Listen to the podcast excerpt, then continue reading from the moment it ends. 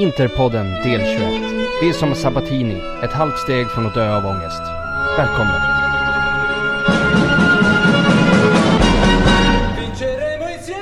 Jajamensan, då var vi igång då, Interpodden del 21. Efter matchen mot Crotone som eh, inte riktigt gick som vi hade hoppats och det är väl lite melodin som vi har trallat ganska stadigt på nu sedan början av december. Detta till trots så ligger vi fortfarande kvar på tredjeplatsen och har fantastiskt nog klättrat sen, eh, sen förra omgången. Eh, huruvida det, detta är något att vara glad över eller inte, det ska vi väl snart få reda på och med mig för att diskutera det här har jag liksom killen som nu gör återkomst efter enbart en match. Binan Alatar. Yes, tack så mycket. Det var faktiskt jävligt kul att eh, inte vara med, hur dumt det än låter. Men då kunde man lyssna på avsnittet utan att veta vad som skulle sägas. Så att, eh, men skitkul att vara med igen såklart. Tungt. Eh, jag gissar att du är jättenöjd med resultatet mot Crotone. ja, jag vet inte vad jag ska säga riktigt. Jag är inte supernöjd, nej. Eh, samtidigt så, alltså jag förväntar mig inget annat av någon konstig anledning. Eller ja, konstig och konstig. Det, det är tio matcher utan vinst. Det är liksom svårt att mm. förvänta sig tre poäng där. Så att eh, jag eh, förväntar mig ett annat resultat kanske. Eller innerst inne ville jag ha ett annat resultat men eh, man visste ju ändå att det skulle bli så här. Eller vad säger du? Ja, alltså om vi säger just hela det här som har diskuterats, krisläget och bla bla bla bla bla bla och så vidare. Jag köper väl att vi börjar, vi börjar ju närma oss en kris. Vi kanske till och med är där. Det, det köper jag nu. Det tog, det tog bara Men... tio matcher Hampus.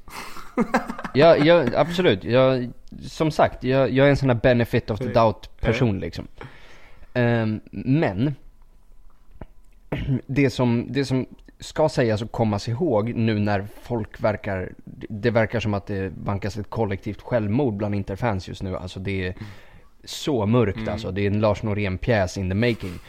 Uh, och det ska ju, det tål ju då att sägas att den här dippen kommer från absolut ingenstans. På exakt samma sätt så kan vi vända på den här skutan. Och med tanke på hur dåligt resterande lag runt omkring oss, alla Roma och Lazio spelar just nu. Mm. Så det här måste ju vara sporren för våra spelare. Vakna upp nu, titta de här är inte så jävla bra som man tror. Alltså titeln ligger där for us to take. Vill vi ha den så, titeln, nu ska du höra, men Ja, vad, vad, vad pratar du om nu? ja, ja, nej, nej, nej, nej, för fan, det är nu, nu, nu, det, är in, det var inte det jag menade. Men men Champions League-platsen ligger ju där om vi bara vill ha den. Så det är bara slå sig själv i ansiktet och steppa upp och ta den nu. Så förr eller senare kommer Spalletti få rätt sida på det här. En vinst kanske på ett billigt jävla sätt till och med kommer inge en viss nivå av självförtroende och då finns det ingen anledning till varför vi inte, att vi inte skulle kunna racka upp tio raka vinster också. Mm. Alltså jag, jag köper absolut det du säger och jag hoppas verkligen. Alltså Någonstans har man tänkt hela tiden nu kommer det, nu vänder det och vi har ju tagit ledningen i de här två senaste matcherna. Eh, första mm. matchen, eller ja båda matcherna ska jag säga har vi tagit ledningen med självmål men... ja. eller ja. Och grejen var att jag satt där under den, eh, under den matchen när, när Eder pangar in mm. den. Och jag, jag avskyr ju Eder. Alltså det, det är liksom det är Jimmy Åkesson och sen är Eder tätt efter liksom. Men Kent alltså, Ekeroth ligger högre än dem hoppas jag. Ja, ja, ja men han är, han är, han är så jävla irrelevant så det räknas mm. inte liksom. Uh, men hur som helst. Men när han faktiskt drar in den där bollen så sitter jag bara wow. Vilket, det där var ett absolut världsklassavslut för det såg verkligen ut som att han studsade upp i luften och pangade den stenhårt upp i krysset. Så, så du, så bara, du är lite glad? Och sen såg man repriserna. Du är lite glad? Jag, jag, var jätte, jag var jätteglad när han satte den. Jag bara wow, kolla här sitter man och blir motbevisad och sen ser man ju att han nickar ju bara neråt. Den hade ju farit, alltså. Men... Det hade ju inte blivit någonting av den om, om motståndaren inte hade varit där. Blir... Så det är väl bara hatten av för, för Davide Faraoni och tack Jag vill bara veta, blir du mer glad över att det var liksom ett självmål? för, för min hållning att hata Eder så, så är det nog så. För alltså jag, jag, jag pallar verkligen inte, inte liksom att se den där tjocka jävla Joey Tribbiani-kopian lubba in där på plan. Alltså jag, det... jag vidhåller i alla fall att det var snyggt. Eh, för att det leder ändå till ett jävligt fint mål och jag vet inte. Jag tycker han, alltså för att vara så kort och, och knubbig Så tycker jag han kommer upp bra på den, han tajmar den rätt allt sådär Så att absolut Den kanske inte skulle gått in annars men eh, Ja, alltså han är, när du säger knubbig, han är verkligen Mm. knubbig alltså. Jag har sett folk i, i, på, alltså, på sittplats på arenan som, är bättre, som verkar vara i bättre form än honom alltså. Har du sett han i det privata när han går runt? Alltså när de fotar han på, ja, på stan eller på arenan och sånt Då ser han ju ut som en riktig jävla så Nej jag ska inte hålla på med honom när, vi, när vi ändå har det uppe så tänker jag så här bara Vi måste ändå, det måste sägas de senaste tre starterna Eder har gjort har han gjort fyra mål i. Så ordet är, ordet är ditt nu. Vadå? Det där räknas ju inte. Räknades det där som Eders yeah. mål alltså? Det gjorde det. Ja, ja, okej. Okay. Absolut. Ja, Kuitin la ju upp någon statistik där också att, eh, att vi vinner mer utan Icardi och bla bla bla bla bla bla bla. Och som, som min professor i politisk vetenskap säger, det finns tre saker. Lögner, satans lögner och statistik. Så, no offense men vi kan ju vrida och vända på det där hur mycket Ja, som det är det helst. som är så unikt med statistik. Du kan eh, ta ut det du vill från statistik. Ibland kan du få ut det bästa, det du, alltså för, för att stärka din ståndpunkt. Eller så kan du få ut det som stärker eh, den andra ståndpunkt. Så att eh, det, det är jobbigt med statistik. Precis, och om vi då liksom statistiskt kollar på den tränaren som har liksom bäst poängsnitt sen Mourinho så, så är det ju Nukiari som har det där Mm. med, med 100% av poängen Ja, liksom. Så, Om någon undrar varför så är det för att de matcherna, de få matcherna han har tränat laget så har de gjort mål. En match. det var väl bara en? Eh, tabellen måste vi ändå säga så här. Alltså det är sjukt att Roma tappar, det är sjukt att Napoli tappar samtidigt som vi tappar. Eh, precis som du var inne på här i början. Men det skiljer sig alltså en poäng mellan femte eh, upp till fjärde som är vi då och sen en poäng från oss till Lazio på 46. Så att precis som du säger Mm. så det är så pass nära så vi kan inte fortsätta tabba oss nu. För att nu har vi liksom gjort alla misstag man kan göra tycker jag. Eh, och precis som du har Mm. varit inne på så, ja, vi har ju faktiskt bara förlorat två matcher. Nej men just den där, just hela den, det tabelläget där, det ger en ju en sån här bitter, bittersöt smak i munnen av att veta att mm, men som sagt, vi har tappat poäng i tio matcher i sträck Alltså nu. det är helt Och vi är fortfarande, vi, vänta, och vi är fortfarande inte uträknade. Däremot, om vi bara hade vunnit de här två senaste, så hade vi legat fem poäng clear på Lazio. Det hade fan kunnat räcka. Ja, det är sjukt. Det är sjukt. Och det, och det är ju det där som bara känns för jävligt att det är de här, att vi har tappat mot de här två. Så det måste ju vända nu mot Bologna när Icardi är tillbaka, Simone Verdi är borta. Jag, kom, jag klarar inte en till. Men någon som absolut inte verkar klara mer är ju Ivan Perisic. Nej. Vad i hela helvete Binan? Förklara det här för mig. Ja, alltså jag har ju tyckt ganska många gånger, jag tror till och med vi har diskuterat det och vi har varit lite oense om just hans eh, storhet eller hans, vad man nu ska säga. Alltså jag har ju alltid vidhållit att jag förväntar mig mer av Perisic än vad jag gör av till exempel Kandreva. Eller vad jag gör av till exempel eh, Gagliardini eller andra, någon annan mittfältare om man nu ska kolla så. Men Alltså Jag måste säga eh, Jag tyckte att matchen mot Crotone så var inte Perisic så hemsk. Jag, jag fattar inte riktigt. Jag tyckte Om man säger så här Han har varit hemsk i nio matcher Och den tionde här så tyckte jag att det såg ut Som att han på riktigt förstod att Nu är det dags att, att vända på detta.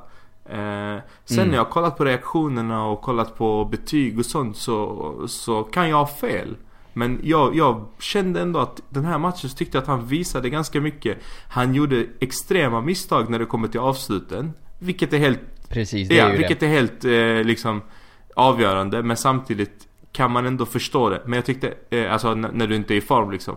Men Jag tyckte ändå att han, han var mer Perisic mot Crotone än vad han var de andra nio matcherna. Alltså han hade typ huvudet med sig på ett annat sätt Men inte kroppen är du med på hur jag... Ja, och ja, jag, jag håller faktiskt med dig där. Och framförallt så var jag väldigt nöjd med att se, eller nöjd och nöjd ska vi väl kanske inte säga, men fortfarande det är positivt att se hur arg han är och hur upprörd han är när det går fel. För det betyder att den där killen är inte som de här andra jävla luffarna. Mm. Den här killen bryr sig, den här killen vill göra bra ifrån sig, han vill vara kvar. Alltså hela det här snacket om att vi borde ha sålt, bla bla bla bla bla bla. Ja, men det här kunde, det här, mm, alltså, ja då hade vi fått 40 mil, ja vad hade Ausilio gjort av dem? Ja precis. Så- Nej, he- hemskt så- men ja, alltså jag säger fortfarande klart vi skulle, alltså om du hade frågat mig efter tre matcher så hade jag sagt åh, eller ja, vi sa säkert shit vad bra att vi inte sålde honom, wow och så vidare. Mm. Men eh, ja, så här i efterhand, absolut, vi borde säkert sålt. alltså det, Ja, jag, jag, jag tycker fortfarande inte vi borde ha sålt, alltså Perisic på en bra ja dag precis. är en, av, är en absolut Ja, världsklasspelare. men alltså man gör Så- inte tio så sådana här matcher. Det, det där kommer, det där kommer men vända. man gör inte tio sådana här matcher, alltså det är taskigt typ. Det, Nej men om vi säger det, det resterande laget har ju också varit Mm. rent av gräsliga och det här är ju liksom en av de få matcherna vilket jag tror är anledningen till att du tycker att han ändå gör en okej insats. Mm. Han får ju göra den här matchen. Ja. Han får en del bollar att jobba med som han inte har fått tidigare. Det är många av de matcherna han har varit helt utestängd där på vänsterkanten. Och vi, tar den direkt då på uppstuds här, okej. Vi, vi kör Perisic, eh, har varit dålig i 10 matcher. Har Spalletti någonting med det att göra med tanke på att den som ska linka upp med Perisic, alltså på vänsterbacken, har inte varit given eller stabil heller? Alltså nu har vi haft tre olika personer som har varit där. Ja, Fyra? Eh, jag håller ju med där. Alltså om vi säger, ja fyra till och med. Ehm, ja, fem om man räknar att man flyttar över, flyttar över Cancelo lite då och då också. Ja, Ja, jag tänkte med Cancelo, eller? Ska vi se, Nagat... Dambrosio har vi lagt på den kanten också. Aha, så det här... då har vi ja. haft Nagatomo, Santon, Dambrosio, Cancelo och Dalbert där på det den kanten. sinnes. Men ja. Precis, och så, så får det ju inte vara. Och jag argumenterar ju fortfarande att, att Dalbert borde spela. Han var fruktansvärt dålig. Alltså det här är inte en bra fotbollsspelare. Jag förstår inte hur fan han kunde vara bland de bästa i, i franska ligan. Det säger ju bara allting om hur bra franska ligan är. O- Också säger att alla kan göra en bra säsong. Ja, ja sure, men franska bönder Ja, ja, på åkerfält. Alltså det, det är liksom, det är skitsamma. Men hur som helst, killen är ung, killen är snabb, killen tar överlappen. Det är något som, som de där andra inte gör, så låt honom fortsätta spela. Och som jag och Karl sa förra avsnittet, han kan ju typ springa in en stolpe, slå huvudet och bli bra. Ja, Vi vet ju att det inte kommer hända de andra. Alltså jag, Så- jag är ju jätte, jätte, jätte super anti eh, För att jag var anti värvningen och då bara förstärker det när jag ser han göra så här dåligt Mm. ifrån sig men Jag är också den som ändrar mig när jag tycker att någon eh, liksom Gör någonting som, som jag inte förväntar mig så att Absolut, låt han spela, låt han överbevisa eh, Den här matchen mot Crotone gör han alla misstag, eller ja okej, han gör inget självmål liksom. Men han, han gör knappt något rätt vad jag kan minnas. Jag kommer ihåg bara att jag störde mig på honom. Tänk dig vilka spelare vi hade på plan och vilken liksom vad man förväntar sig av flera stycken av dem. Och ändå så störde jag mig mest på Dalbert. Mm, ja absolut, jag, jag, jag håller med dig. Mm. Absolut, inga, ingen snack om saken. Och då har jag ändå försvarat värvningen. Eh, så jag är besviken. Ehm, eh, vidare tänker jag på, i och för sig det kan vi ta till, till det som komma skall. Eh, om vi pratar lite om de bytena som gjordes Kan vi, då. kan vi börja med varför Cancelo inte startade? Ja, det... Alltså, det känns så konstigt i min värld att i en dålig period så är en spelare överlägset eh, liksom, eller ja, det, det är kanske tre spelare som, som under den dåliga perioden har varit bra. Eh, Cancelo är en av dem. Eller?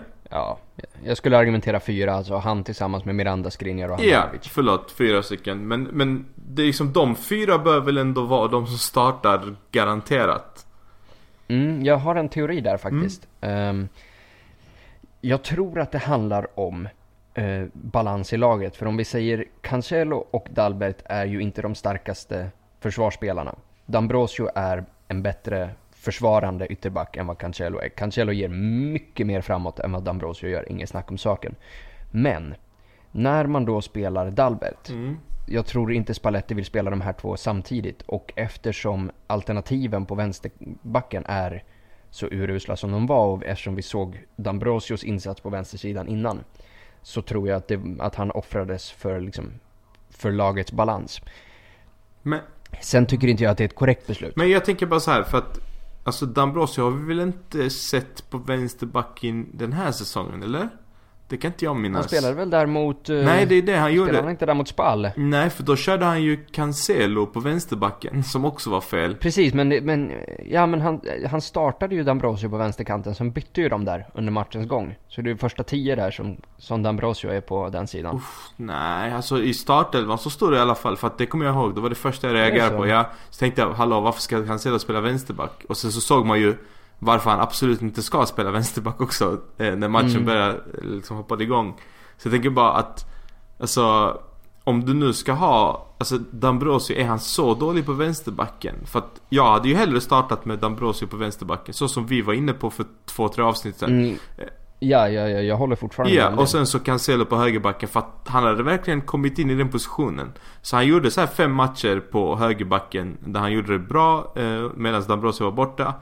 Så snackar vi att nu är Dambrosio frisk, vad ska hända nu? Jo men vi förväntar oss, eller vi hade gjort så att men vi hade satt honom på vänsterbacken och kört vidare med Cancelo på högerbacken eftersom att han har gjort det väldigt bra. Eh, men Mm. då kom ju matchen mot Spal och då startade han Cancelo på vänster, Dambrosio tog tillbaka sin plats liksom. Eh, och sen så kommer nästa match mot Crotone. Då åker Cancelo ut ur startelvan för att han gör inte det bra på vänsterbacken. Vilket är fullt realistiskt och logiskt. Eh, och så startar han med Dalbert på vänster som inte heller gör det bra. Liksom, vad händer nästa match? Ja, det är just den här, alltså jag tror ju att Spalletti börjar känna av pressen här, börjar, börjar känna sig stressad, börjar göra de här förändringarna och det har ju diskuterats en del förändringar Mm. som jag tänker att vi ska Det- ta då kan vi ta sen, ja, precis. Ehm, men, i den här matchen så får vi till exempel se nyförvärvet Rafinha debutera. Från, eller debutera, gör han ju inte, han fick ju spela en, Tre minuter mot sekunder där. Ja, exakt, exakt. Men fick ju lite, lite mer Mm. boll här under Crotone-matchen. Första intryck av honom, alltså, alltså inte en bedömning på om det är en bra värvning eller inte för det kan man ju inte säga precis. Men Eh, första intrycket att han ser väldigt rörlig ut. Eh, vill ta skott. Eh, otroligt liknande eh, Joao Marios första inhopp. Skulle jag säga.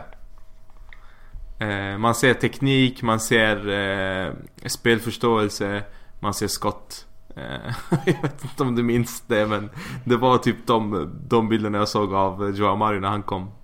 Sen, ja, Joao Mario, som sagt, Joao Marios första säsong hos oss var Mm. riktigt bra.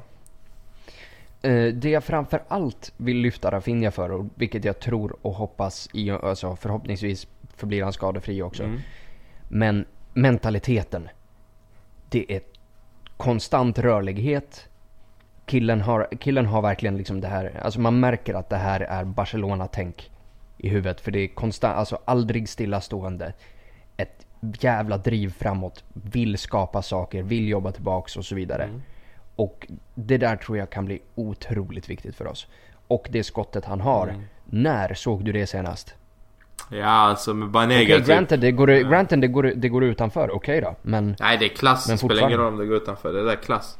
Eh, senast vi såg det i Inter skulle jag säga var med Banega. Så att, eh, Mm. Men, men det, det är ju här jag, jag kommer in med min sån här Men hur lång tid tar det tills vi förstör hans mentalitet? Alltså är du med? Det, det är där Mm. jag är rädd för liksom, De flesta som kommer eh, Som etablerade Som ändå har någonting, någon typ av historik eh, Men ta Banega som exempel vi, vi kommer ju eventuellt att förstöra honom om eh, Om det inte börjar gå bra ja, absolut. Och även om det går bra så kan vi fortfarande förstöra honom. Det, det har vi ju lyckats med förut. Vilken underbar Så- eh, kultur vi har Mm, ja, ja, ja. Den är ju, den är ju, alltså. Man skulle vilja hänga där liksom en vecka och bara observera liksom. Kan man så här, skicka dit ett par psykologistudenter bara för, bara för att se liksom. Alltså jag undrar ju, jag förstår inte hur mentaliteten kan bli så här. Alltså, Vi kan ta kommer Spalletti, kommer Spalletti in på träningen varje morgon och bara oj du ser tjock ut. Alltså hur, hur fan blir det så här? Hur, om, och framförallt om vi ser löpviljan. Hur kan Walter Senga få ett Crotone att jobba hårdare än Inter. Är han det enda vi borde De respektera? här killarna dör för Det är Crotone. han vi ska respektera efter den här matchen. Så, så bilderna efter. Ja, absolut. Det var ju Och världsklass. så såg jag en video på, eh, jag vet inte vad jag såg där men eh, När kurvan börjar sjunga Kino Satta Rossonero, hej och han börjar hoppa. Mm. Men, alltså mitt i matchen. Jävla legend alltså. Ja, ja, alltså som, som världsklass. Mm. Alltså som tränare, eh, well. Men som liksom, som hjärta och själ, absolut. 100%. Ja och, och alltså han, han vet också att han eh, Alltså att det går liksom. Eh, även fast det, Vi såg ju ganska bra ut. Om vi nu ska diskutera matchen så såg vi ju ganska bra ut i början kan jag tycka. Ja, jag håller med, absolut. Jag tycker framåt slutet, så så, alltså fram, mellan minut 70 och 80 där, efter att vi har släppt in målet. Jag tycker vi svarade upp bra på det. Mm. Men vad är... Men vi saknar ju, men vi saknar ju liksom, i och med att vi inte hade Icardi så saknade vi ju den här den här spetsen i boxen och det märkte man ju hur många gånger som helst första halvlek liksom. När vi kommer loss på kanten, tittar in i boxen och det är tomt. Ja. Alltså Eder är, är ja gud vet, Ja, lucka alltså- på en mittfältare i mittcirkeln. Alltså, Ja, det där var faktiskt, jag, jag reagerar på det också. För jag, jag har inte så här jätte, jätte, jätte hat mot Eder. Eh, men jag reagerar absolut på att han inte var på plats när han skulle. Eh, vilket Icardi kritiseras för. Att han är där uppe. Men nu när hela laget vet hur de ska spela liksom. Och så är inte Eder där. Det, är inte heller bra. Nej men Eder spelade ju exakt samma roll som han brukar hoppa in Ja. i när Icardi är kvar på plan. Och det, och det funkar ju inte. Nej. Jag, jag vill ändå ta eh, den här bara när vi snackar om Spalletti och eh, mentaliteten och så vidare. Eh, Corriere dello Sport skrev ju idag eh, om en eh, konversation mellan Spalletti och en, eh, en, en del Roma-supportrar eh, som var efter matchen då mot eh, Roma. När det blev Mm. 1-1. Eh, och så Blev det? Va?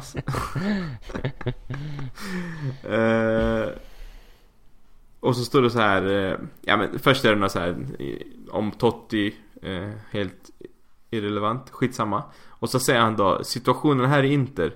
Eh, klubben vill inte spendera och Alltså stämningen här är ett steg ifrån eh, madness. Jag vet inte hur jag ska översätta det.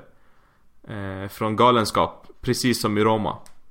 Du är alltid på gränsen. Eh, och off, eller ja, ibland så är det liksom en, en eh, deprimerande stämning. Och så säger han, eh, så är frågan då, can Inter win something?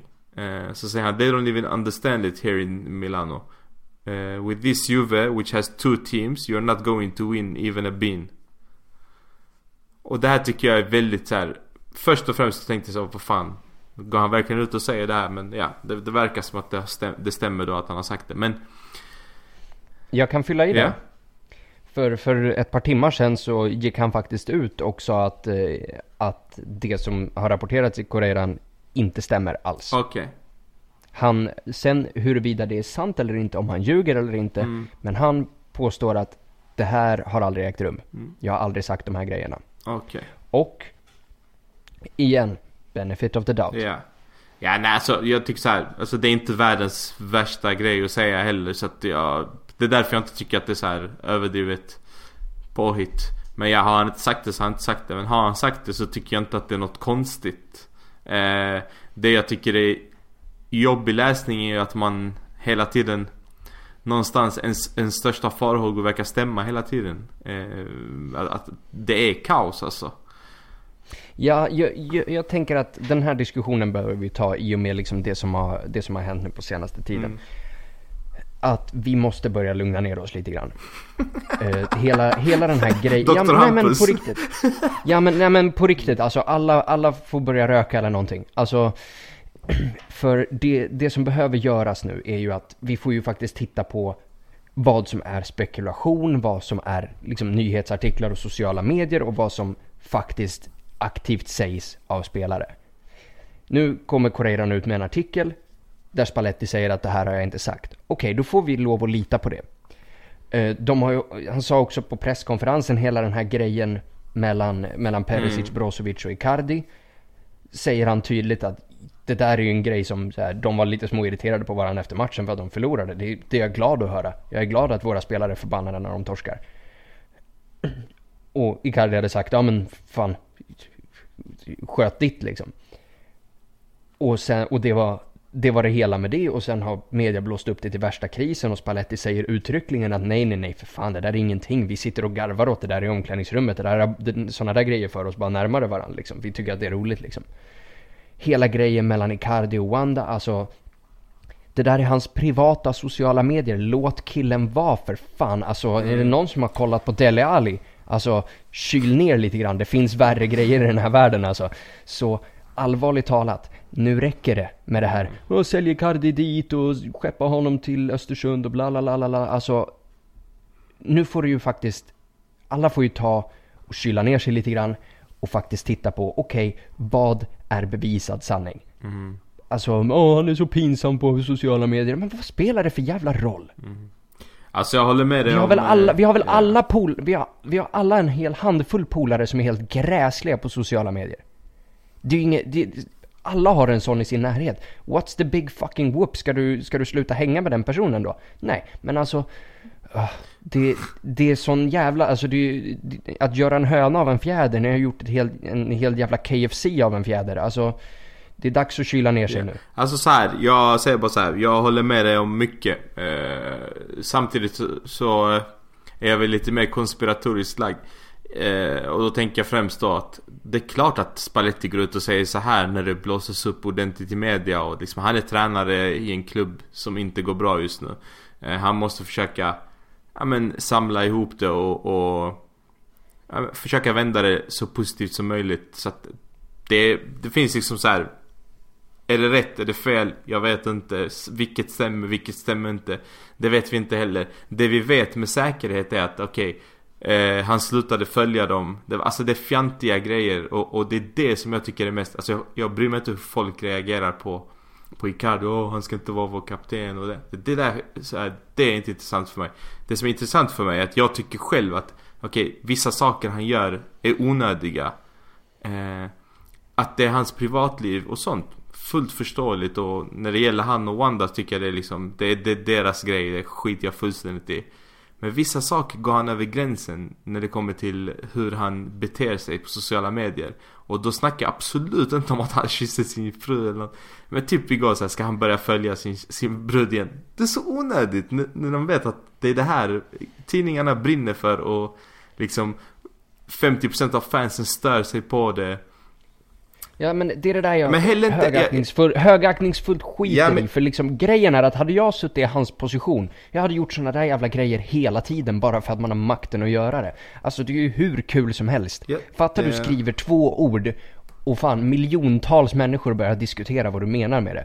Hur roligt som helst. Ja fast alltså det, det handlar om timing också Jag hade skrivit ciao ciao varje gång jag går och handlar. Ja, men det är timingen alltså det, det Du vet själv hur mycket jag liksom skyddar när det kommer till såna här saker men just timingen på den Chow Chow är vidrig. Eh, Men skitsamma, det har, vi, det har ni redan diskuterat Mm. där. Det, men, men det här med, med när det kommer till vad, vad de säger och vad de inte säger så, ja, Man kan aldrig ha någonting bevisat för, förrän man har sett det i en intervju. Ja till och med då kan det vara bullshit Men Mm. Och sen, för, för min avslutande poäng på det vi har pratat om, alltså hela det här kyl ner-schemat nu. Mm. Att vi måste också komma ihåg, vart får vi våra nyheter ifrån? Vi får våra nyheter från våra motståndare. Corriere della Sera, Rom-tidning. Tuttosport, en Turinbaserad ti- tidning där, Ju, där Juves ägare är delägare. Gazettan och, och Mediaset och alla de här Berlusconis imperium. Vi får våra nyheter från våra fiender och det syns ganska tydligt. Det är kris i Inter, kris i Inter hela jävla dagarna. Okej, men, men Lazio, medan vi har tappat 10 matcher i rad så har vi kommit närmare Lazio. Det är ingen kris i Lazio. Roma klarar inte av att gå om oss. Roma har fått dask två gånger av Sampdoria inom loppet av fyra dagar. Det är ingen kris i Roma. Milan är ett sjunkande skepp. Milan, alltså Bonucci kickar en boll i nyllet på Donnarumma, självmål. Ja, de klättrar inte heller. Det är ingen kris i Milan, det är bara kris hos oss. Vad säger det? Jo, det säger att, att vi fans måste ju liksom ha lite distans till det här. Vi kan inte liksom, för det kommer inte hjälpa av att vi börjar bli nervösa som skit, börjar sluta gå på matcher, trycker banderoller, står och kastar sten utanför träningsanläggningen. Vilket inte har hänt än, men det kommer ju hända Mm. förr eller senare om folk inte tar och kyler ner lite grann. Jag tror också det handlar om att vi brinner för det här mer än vad någon annan gör. Alltså vi, vi som fans tycker om vårt lag mer än vad Milan-fansen tycker om sitt lag och Roma-fansen tycker om sitt lag. Det tror och hoppas jag i alla fall. Så att man får se det från den ljusa be- sidan. bevisligen. Det, det, det är bara att titta på, på, eh, på vad heter det, hur många som är på Ja, plats precis. per match liksom. Så vet vi ju det. Men min poäng är att varenda gång det kommer en tweet och varenda gång det dyker upp en artikel, Jag tycker det är skitkul. inte ur. Jag tycker det är skitkul när alla var snäll. Ja, ja men alltså, ja men det, det, jag snear på alla som snear. Alltså det är det. Det är också kul att du gör det. Alltså, det jag bara sitter och skrattar. Jag tycker allting är skitkul. Alltså jag tycker att eh, typ så här. Det enda jag bryr mig om är matcherna och de går inte som jag vill och sen allt det där som kommer extra. Det är liksom bara Det är bara att skratta åt det för att jag vet att det inte spelar någon roll. Alltså vad spelar det för roll om vi tycker att Icardi gör fel på sociala medier? Vad spelar det för roll att vi tycker att äh, men vi, vi tror att eh, Spalletti sa detta utanför en restaurang till några fans och så vidare. Egentligen så spelar inte det någon roll.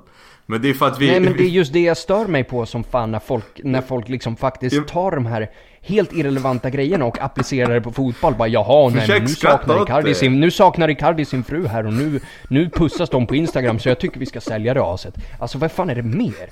Skärpning. Det är bara att skratta åt det, skitsamma. Det är kul. Folk, eh, han, han berör. det, det är inte svårare än så. Fy fan.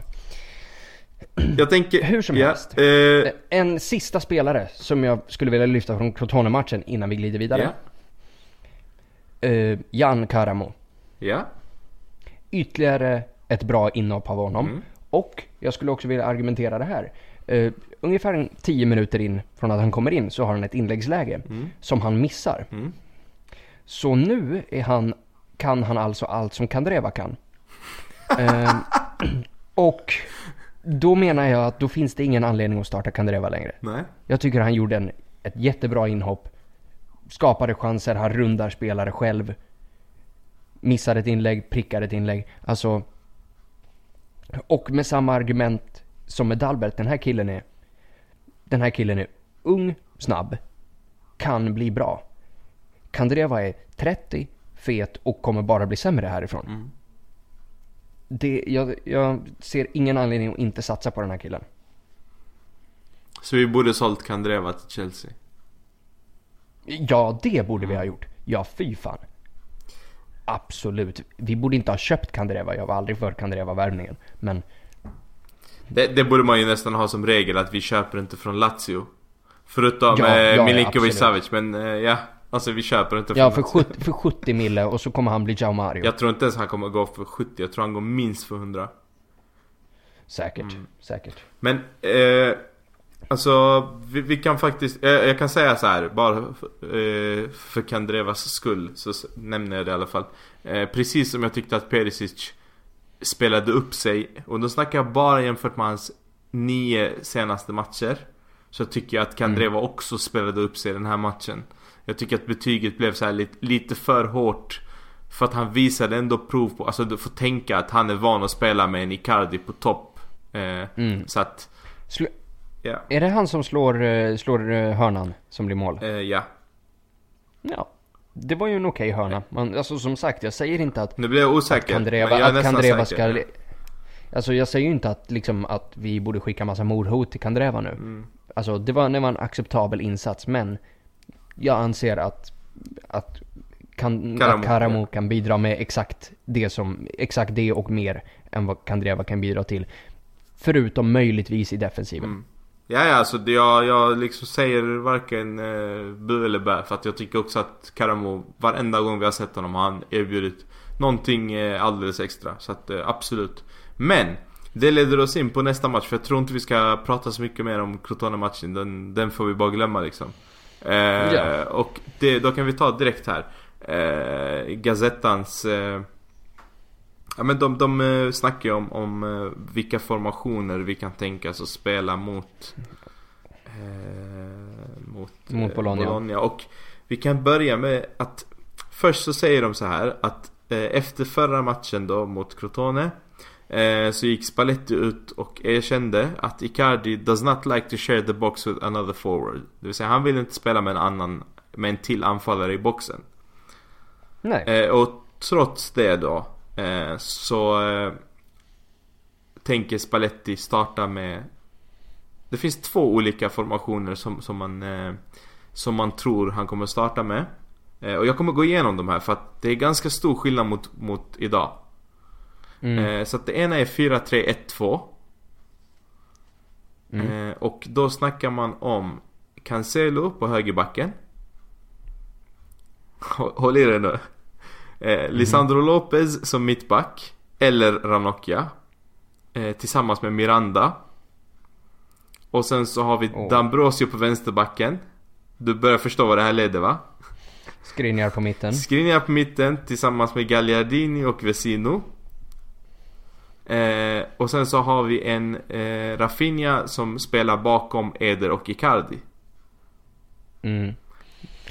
Hur, hur Eh, låter det så här spontant? Ja, det låter spontant som att vi borde avsluta här så jag kan gå och lägga mig. Ehm, nej, men som sagt, det här har vi sett förut. Jag hoppas innerligt att det här inte är sant.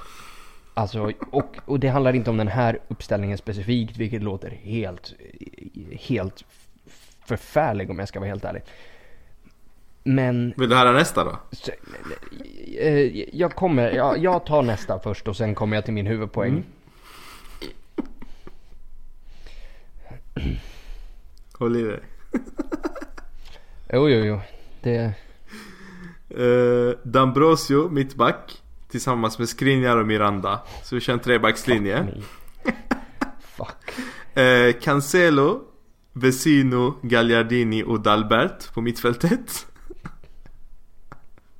Mm. Och sen så har vi Rafinha bakom Eder och Icardi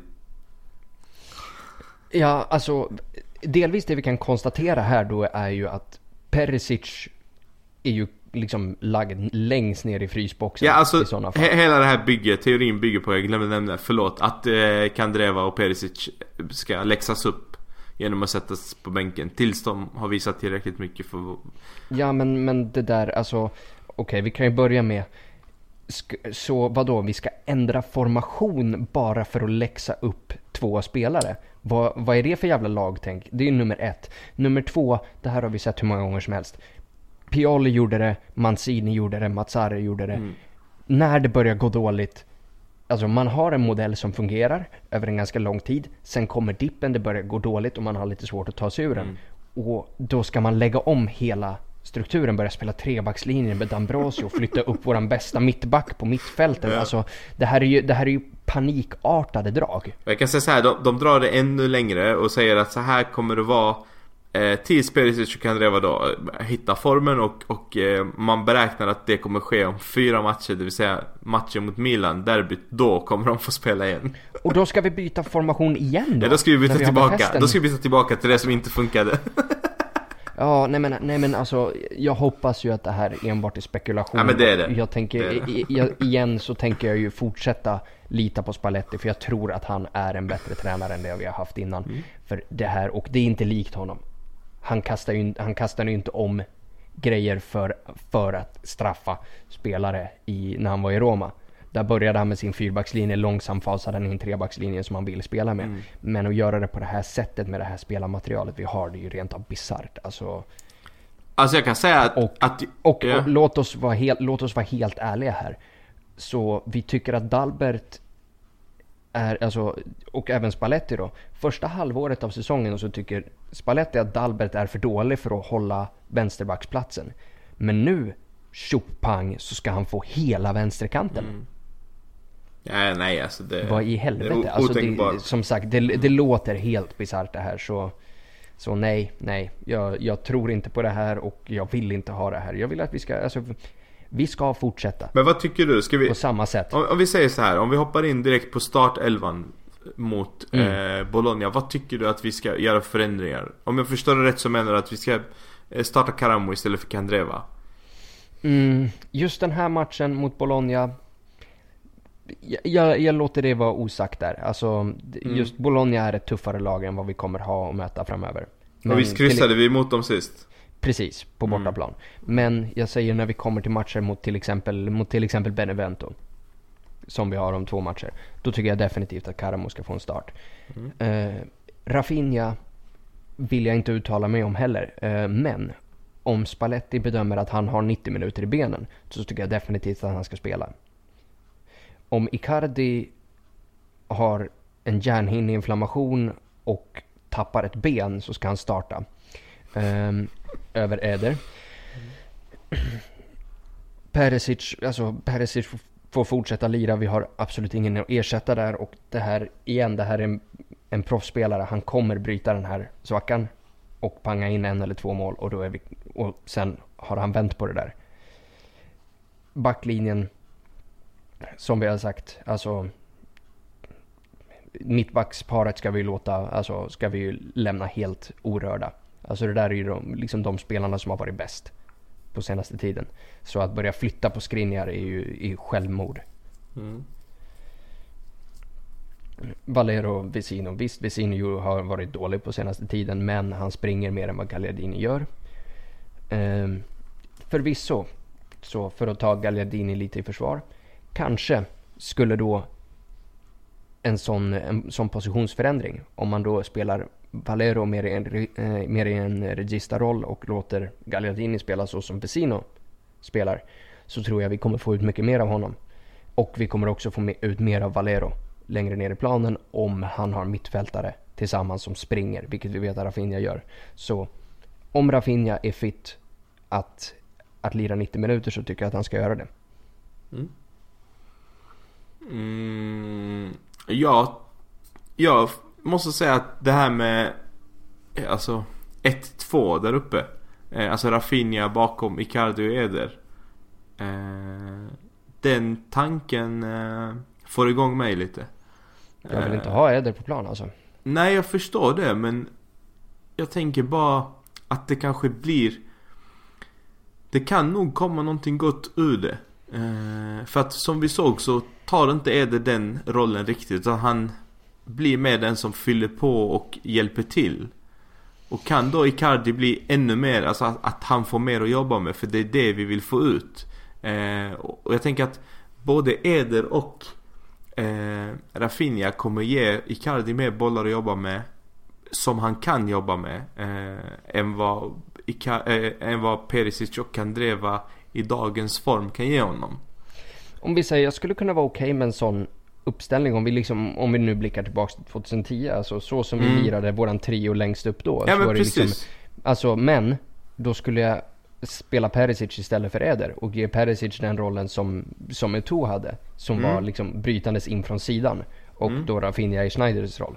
Men jag tänker mer att, eh, att han är så pass ur form Att det blir svårt att liksom få honom att göra det Eller få ut det man vill från honom eh, Alltså bara just nu, så som det är just nu Så känner jag att, men fan Jag blir inte sur på Spalletti om man testar detta eh, Och sen så krävs det inte en jättestor förändring ifall det inte skulle se bra ut i matchen Nej okej, om man gör den där grejen då. mm. Okej, men...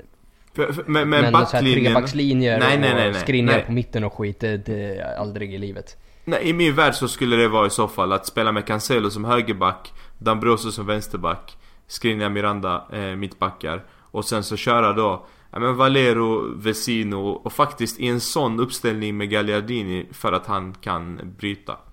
Mm. Eh. Och ja, det är ju inte brytningarna jag gillar Gagliardini för. Jag gillar ju honom för liksom, alltså... Ja, han kan ju inte ihåg, passa kommer du ihåg, ja, men framåt. kommer du ihåg hur han var när han kom? Ja, alltså, den, här, ja. den här bollföraren, han drev upp bollen själv liksom. Mm. Men jag tänker att, Och att det är typ, där, det är ju, han lider ju, jag har ju sagt det tusen gånger, han lider ju av att vi inte har den här defensiva mittfältaren. ja. Jag kommer aldrig förlåta för Ausilio för det där. Förutom Mm. att jag kommer förlåta honom om ett par minuter. Men jag, jag i alla fall, så jag skulle faktiskt kunna tänka men nu är inte jag eh, så här, okej, kommer det här funka mot Bologna eller inte? Utan jag tänker mer utifrån våra vapen här och nu. Eh, så skulle jag vilja nästan se det för att, ja, bara, för, bara för att jag ska bli lugn och känna att okej, jag hade fel. Eh, om jag har fel. Är du med? Mm. För att jag känner med att, att jag tror att kreativiteten där uppe är det som krävs för att vi ska börja göra målen igen. Och jag tror att det vi liksom ligger mest back med det är att göra mål. Mm, Eh, absolut. För jag tror att självförtroendet, allt det här kommer med våra mål och det är så långt ifrån. Vi gör inte de jävla målen just nu. Ja, nej, som sagt, jag är fortfarande emot förändringar. Mm. Ja, jag förstår det. Men samtidigt gör man som man alltid har gjort så får man samma resultat som man alltid har fått. Och de resultaten de senaste Fast- tio matcherna är inte bra alltså. Mm, fast grejen är att börja byta formation så är det ju fortfarande att göra som vi alltid har gjort. För det är precis så alla andra tränare har mött Ja, det här problemet. du har en Och poäng. det har gått åt helvete för alla. Ja, du har en poäng. Du har en poäng. Eh, Men det var ju också någonting som jag, som jag tog upp här. Det missuppfattades nog min fråga eh, som, som jag skrev till er i förra avsnittet. Att Mm. eh, hur kan det komma sig att Spalletti inte har blivit eh, ifrågasatt? Jag menar ju inte att man ska ifrågasätta Spalletti. Jag menar på att fenomenet, för det är ju någonting vi inte har gjort. Vilket vi är, van, vi är vana vid. Ja, Att nu har det ju börjat tränarna. lite så här Spalletti out och Nej men det är alltså i Folk kan bruset. dra åt helvete. Nej men det är mer sunning out än Spalletti om man säger så. Och det är inte vi vana vid. Det är inte Sunnings fel heller det här. Alltså det, Nej, absolut Sunning inte. behöver, Ausilio out, absolut. Ja, men man, det, saken, men det är inte konstigt att folk hittar eh, syndabockar. Det är liksom specialiteten när det går dåligt så försöker man hitta en syndabock och jag tror inte det är konstigt att det blir sunning när allt som snackas om i januarifönstret är att de inte öppnar plånboken. Eh, Vi, vi har Pastore som går ut i media och, och säger att han vill lämna, eller komma till Inter och, Mm. och så vidare och sen så går hans agent ut och säger att Alltså, att, till, det handlar till slut om att man inte vill spendera. Jo men Alltså- igen, folk får ju för, alltså folk får ju för fan börja läsa snart också. Det är ju inte Sunnings fel. Vi, Nej, alltså- vi, behöver, vi behöver redovisa 60 mille vinst. På grund av Financial Fair Play nu i sommar. Därför har Sunning då lagt in oss i, alltså vad heter det, bundit upp oss i den här fonden. Som kommer täcka den kostnaden. Snarare så ska vi nog säga tack så mycket till Sunning för annars hade 60 mille behövt skrapas ihop på ett annat sätt. Jag kan säga det, det står en liten artikel i Corriere dello Sport eh, om Sunning också idag. Eh, jag kan ta den för att den är lite... Det, det handlar om just om att just nu så får Sunning väldigt mycket kritik. Eh, för att de inte investerar tillräckligt mycket på transfermarknaden. Eh, och då diskuterar man, eh, ja först och främst då eh, din favorit eh, Lautaro Martinez. Mm. Vill du hoppa in på honom direkt? Eh, bara säga lite snabbt vem det är. Ja, precis. Eh, Det verkar ju faktiskt som, vad heter det, det rapporterades ju igår att eh, det där har varit klart i flera veckor och att han kommer i sommar och eh, det här, mina goda vänner, det här är på riktigt. Den här killen är ingen Gabigol. Jag, jag har sett honom i fyra, hans fyra senaste nu Mm. och nu senast i eh, natten mot måndag så hängde han ett hattrick för Racing medan när Ausilio var på plats och så vidare. Ehm, den här dealen har ju styrts upp i och med, vad heter det, Zanetti har hjälpt till med kontakterna. Milito jobbar på sekretariatet hos Racing, eh, hos Racing Club. Så det här kommer hända för omkring 20 miljoner. Eh, allting är klart men kommer inte liksom förklaras som officiellt förrän då i sommar.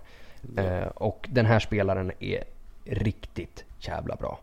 Alltså lyfts i argentinska ligan som en av de absolut mest lovande spelarna.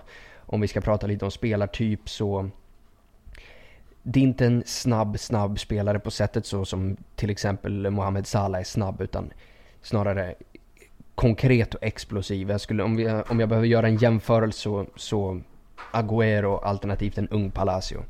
En absolut klassspelare och om vi får in honom, ger honom en försäsong och anpassar sig lite och har kvar Icardi, då kommer vi bjuda folk på ordentligt med dask i sommar. Eh, ja, och eh, precis som du säger där så verkar det som att eh, den transfern är så gott som klar och det som skrivs då i eh, CDS då Det är att eh, han kostar runt 20 miljoner precis som du sa och Sunning har redan godkänt den här dealen. Eh, Ja. Och då går man igenom, okej under det året som Sunning har drivit Inter eh, Så är det dessa investeringarna som är gjorda Eller bara i år då eh, 24 miljoner euro för Vesino 20 plus 6 för Dalbert Mm. 20 plus 10 plus 5 för Skriniar Eh, Det var mer än vad jag trodde, men ja. Fast den behöver vi ju räkna ner också i och med att Caprari har varit 13 mille delbetalning i det här också. Okej, och så står det 5,5 plus 1,5 för Borja Valero. Och sen 10 plus 8 plus 8 för Bastoni. Mm. Eh, och 7 för Colidio. Mm. Eh, samt eh, pengarna för Gagliardini då så att han blev eh, permanent deal Ja. så att säga. Eh, detta här överstiger 100 miljoner euro. Eh, Mm. Och då står det så här att det är ganska logiskt att ja, FFPn och kinesiska regeringens ehm, eh, vad heter det, begränsningar gör att man inte haft så mycket pengar till eh, transfers för januari. Men att det inte har varit problemet utan problemet har varit en tydlig eh, förklaring från Sunnings sida vad, vad, vad planen är. Eh, och det är därför det som hände med Pastore hände till exempel. Att man har inte vetat, därför har man förhandlat och så vidare. Så att alla har, alltså cheferna har en tydlig roll. Eh, men de vet inte riktigt vilka mandat de har. Eh, och nu är det också så här, jag vet inte om folk har missat det men eh, Jing Dong Zhang, alltså Steven Zangs Mm. farsa, eh, har ju också gått in i kongressen. Tungt. ja, eh, så att han är ju numera en del av den kinesiska regeringen eh, och därför så måste han liksom statuera med gott exempel. Så att det, det, det har ställt till det eh, just när det kommer till här och nu och den faktiska eh, Alltså tydligheten i vem ska göra vad och vilket får jag göra, vilket får du göra och så vidare. Så Mm. att eh, det, det är det som är förklaringen då enligt CDS till att eh, januaris transferfönster var som det var. Eh, Så att det handlar inte om någon hierarki eller någonting Utan alla är ansvariga för sitt eget område men man vet inte riktigt vad man får göra. Så att det som behöver göras då för att det här ska redas ut Det är att man är tydligare och klarare med vad, liksom, vad, vad är planen? Eh, Så att Inter is coming snackar man om att det är liksom en hashtag och ett projekt Men det finns inga faktiska eh, liksom så här delmål för att ta sig till Inter is coming. Mhm. Var, var det tydligt eller var jag lika Ja, det otydlig ja, som, alltså, som Zhang? Som sagt, det är, väl, det är väl ungefär så tydligt som det kan bli. Och sen får man ju ifrågasätta, okej, men hur kommer det sig att Corriere dello, dello Sport har insyn i det här? Det är väl mycket spekulationer. Det, alltså, vi kan ju utgå från att av allting som, som står i media så kanske 60% stämmer. Eh, resten är spekulation. Ja, men en procentsats. Det vill säga att allting är inte faktisk fakta men mycket tror jag har en, en grund eller liksom någon typ av sanningshalt i sig. Eh, Mm. Sen får man ju värdera den med en nypa salt som allt annat. Ja, i, i grund och botten förändrar den ju inte direkt våran, våran ekonomiska situation nå, nå nämnvärt. Alltså vi kan, ju, vi kan ju säga klantigt att förhandla med pastoren när man fortfarande inte vet om man har mandat för att göra det eller inte. Mm. Men sen var det ju också att vi hade ju, man, alltså de, Sunning var ju ganska tydlig att det som gäller är lån med köpoptioner. Mm. Det är lån och PSG vill inte gå med på det. Och man hoppades väl in i det sista att de, skulle, att de faktiskt skulle liksom svälja heden och skicka iväg honom på ett lån med köpoption. Nu blev det inte så. Mm. Eh, så jag tycker inte det har varit otydligt från, från Sunning på det sättet. Ja, Men- du, du har alltid Sunnings back. Det är en riktig eh, king. Som, nej men, som sagt, alltså det, det får ju handla om alltså Vi får ju ställa det här lite grann i, i perspektiv. Att hur var det under Moratti liksom? Att vi skuldsatte oss i hundratals miljoner euro. Medans, medans fans, tidningar och alla sa men vi kan inte hålla på så här, vi måste stabil, stabilisera budgeten annars kommer, annars kommer det bli Parma av oss. Vi måste stabilisera, vi måste stabilisera, vi måste stabilisera. Mm. Och så tar vi in Sunning som stabiliserar. Och då börjar alla, vi måste gå tillbaka till Moratti, det är ingen som investerar längre. Alltså, hur fan ska ni ha det egentligen? Alltså så Ja, ja, det- absolut, jag, jag, håller, jag håller absolut med Sunnings filosofi att Financial Fair Play måste tas på allvar. Vi kommer bli, alltså vi blir uteslutna. Vi har gått in i det här frivilligt. Vi kommer bli uteslutna ur Champions League om vi dischar upp 300 mille så som Milan gör. Mm. Så det är, bara, det är bara att följa den här nu och det kommer gälla nästa år också. Året efter det så är det frivilliga avtalet slut. Därefter får man i sådana fall förhandla nya, vad heter det, får man förhandla fram nya regler att förhålla sig till. Jag läste faktiskt som, att det som går sagt, ut nu. det och- Sunning har gjort, Sunning Mm. har ju liksom sanerat en ofantligt stor del av den skulden som Moratti drog på klubben. Mm. Och bara och på mycket kreativa sätt med namnrättigheter, nya träningsanläggningar. Den här fonden vi numera är, är med i. Vi kunde, okej, var det jättekul att liksom inte få de här spelarna man ville ha i januari? Var det jättekul att liksom sitta och läsa om Nainggolan och Vidal i somras och sen få Vesino? Nej, kanske inte. Men, men, vad, alltså, men vad är alternativet? De kanske borde sätta så här en, en eh, Alltså lägga till årtal på Inter's coming hashtaggen. Så Inter's coming 2025 eller någonting. Så att det är ett långsiktigt mål och, och kanske en plan som man kan dela med sig av. För att precis som du säger, alltså det är ju mycket som har skötts rätt nu. Det, det är ju mycket vackrare, det är mycket finare, det är mycket mer ordentligt. Eh, det är mycket dyrare Ja, för oss men fans. det, det, får, det får man väl ta då kanske. Mm. Och det, Mm. ja, det är, så, så är det absolut. Utan tvekan. Men eh, det är klart att det är kritik får komma. Alltså det är 50-60 tusen som går på matcherna fortfarande. Man förväntar sig ganska mycket och så vidare. Så att, ja, Ja, det, rent, rent sportsligt om vi säger Jag tycker ju inte att, alltså vi hade kunnat ha en situation där laget konstant försvagades. Så har inte varit fallet. Mm. Från att Sunning tog, tog över, egentligen från att Tohir tog över. Så har laget blivit starkare och starkare och starkare för varje säsong som har gått. Mm. Det är inte så att vi säljer av våra bästa spelare och köper skräp. Möjligtvis Kovacic. Men på det stora hela så går det framåt. Ja. ja, jag håller med till 100% och, Och- och Och det ska sägas, mm, det här, det här laget, det spelarmaterialet vi har, ska ta en fjärde plats. och det är samma sak som Moratti går ut och säger nu också. Eh, han säger att han, precis som klubbens fans känner han sig lurad eh, av Inters form. Med tanke på att man först spelade 16 matcher utan förlust och sen så nu har det gått som det har gått. Nu är det bara en poäng ner till Roma som är på femte plats. Eh, vilket innebär att man skulle kunna missa CL. Eh, och det var ju redan färdigt i princip. Eh, han säger också då att han fortfarande tror på att Spalletti kan vända på skutan. Det tror jag också. Och han säger att problemet är att spelarna spelar så långsamt eh, och de är för, överdrivet försiktiga och de passar bakåt. Eh, och man passar bakåt då för att slippa vara liksom, ta ansvar för att ja, men om jag gör något fel så är det jag som får ta smällen.